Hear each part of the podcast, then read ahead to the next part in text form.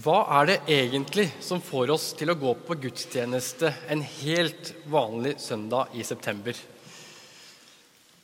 Jeg tror ikke det er å synge en salme som er helt ukjent. Og jeg tror ikke det er å slite med å høre hva som blir sagt i en stor akustikk. Og så tror jeg heller det ikke er fordi at kirkebenkene er så behagelige å sitte i. Så hva er det egentlig som får oss til å gå på gudstjeneste en helt vanlig søndag i september? Jeg kan ikke svare for hver enkelt av dere, men jeg kan forsøke meg på et lite svar for min egen del, med utgangspunkt i dagens lignelse.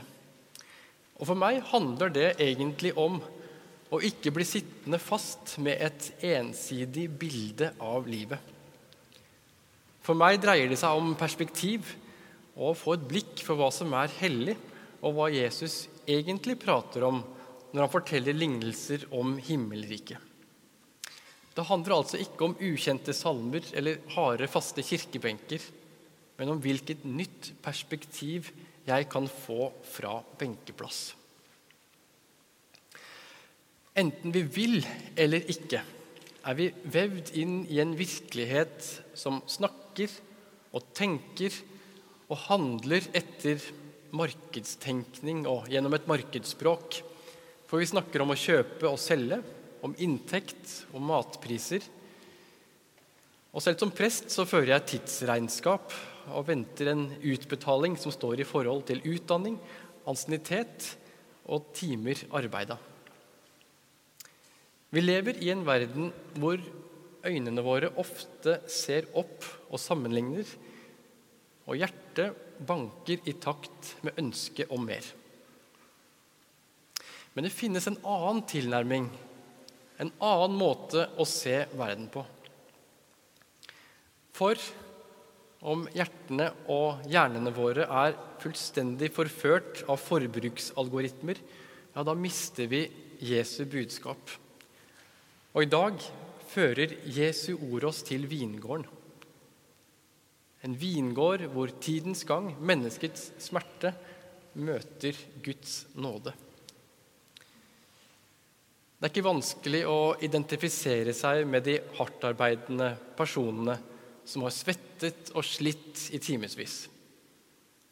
De syns det er kjipt å få den samme lønnen som de som bare har holdt på en liten stund. Og Faktisk er det for mange grunn til å bli irritert når en fornuftig idé som lik lønn for likt arbeid settes til side. Jeg tror arbeiderne kjenner på misunnelse. I stedet for å være fornøyde med en dagslønn, som en denar var, bruker de energi på å være misfornøyde. I stedet for å glede seg med arbeiderne som sto i fare for å gå glipp av en dags lønn, så blir de bitre, og de tappes for energi. Og selv om misunnelse er en helt vanlig følelse, så tror jeg den i dette tilfellet får drivstoff av en tenkning som er vant til å telle, måle, veie og sammenligne. Og Poenget her er selvsagt ikke å avvise en eh, rettferdig arbeidspolitikk, men å få et blikk for Guds sjenerøsitet. For vi står rett og slett overfor en annen måte å forstå verden på. Og jeg synes denne lignelsen er talende fordi den går rett inn i en aktuell konflikt mellom verdensbilder.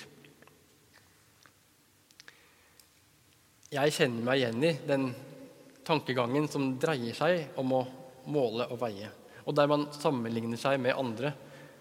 Og Ofte så kan jeg irritere meg over oppgaver som står uløst. Og jeg kan være streng med meg selv. Men med himmelriket, som evangeliet etter Matteus beskriver det, er det annerledes. Der deles det ut til alle. Uansett hvor mange kaffepauser en tar, om en er forsinka til jobb, glemmer avtaler eller rett og slett gjør en under middels innsats. Jeg har i flere år vært interessert og fascinert i den britiske psykiateren Ian McGilchrists ideer. Og han har skrevet en del bøker om hvordan vi mennesker forholder oss til verden. Og et av hans mange poenger dreier seg om at hvordan vi forholder oss til verden, altså hvilken oppmerksomhet vi gir til det rundt oss, endrer hvordan den er for oss. Og Jeg vil gi dere noen eksempler. Hvis du hører musikk, f.eks., så kan det for en musikkviter dreie seg om kontrapunkt og struktur og hvordan melodiene er bygd opp. Mens for en som danser, så kan det være at han eller hun tenker på hvordan musikken kan oversettes til bevegelse. Og for en som sover, så er jo musikken bare irriterende. Da er det støy. Hvis du ser et fjell, så vil det fjellet se ganske annerledes ut, avhengig om du er en geolog, du er en maler eller du er en fjellklatrer. Og gjør du et arbeid som president, så kan det for én person være en måte å få mest mulig makt og prestisje, og for en annen så kan arbeidet være en måte å virkeliggjøre sin lidenskap og ønske om å tjene andre.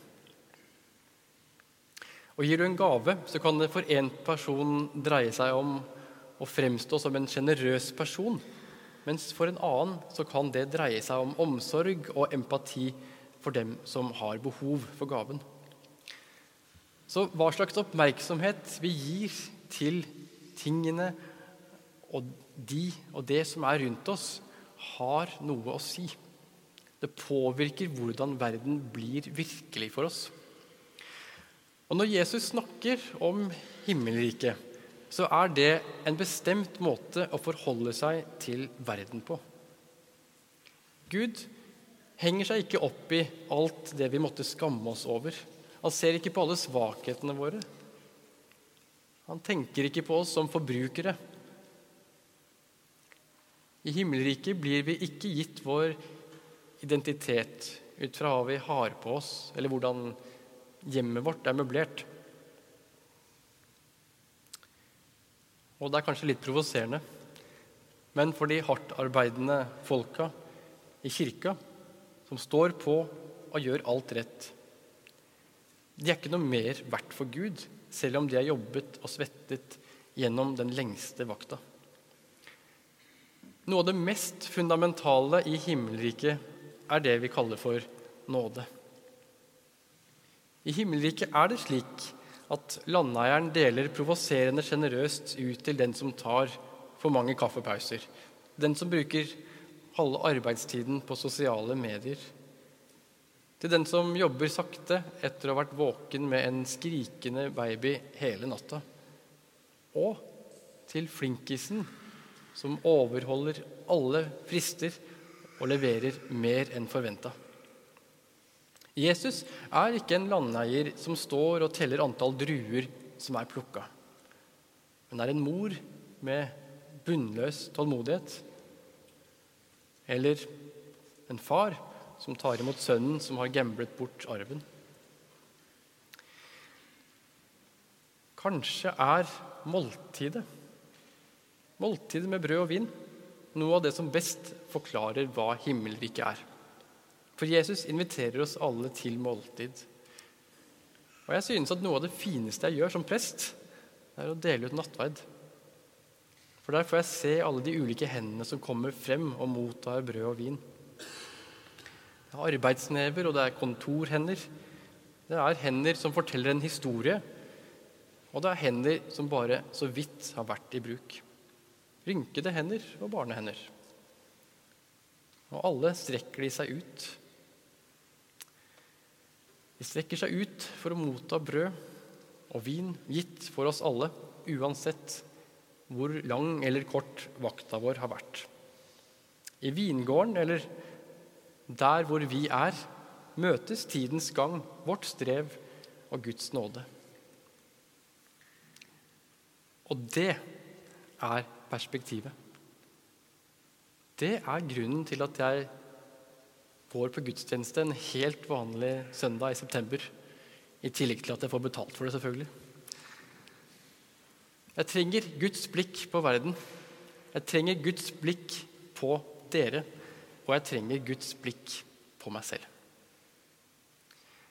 Ære være Faderen og Sønnen og Den hellige ånd, som var, er og være skal, en sann Gud, fra evighet og til evighet. Amen.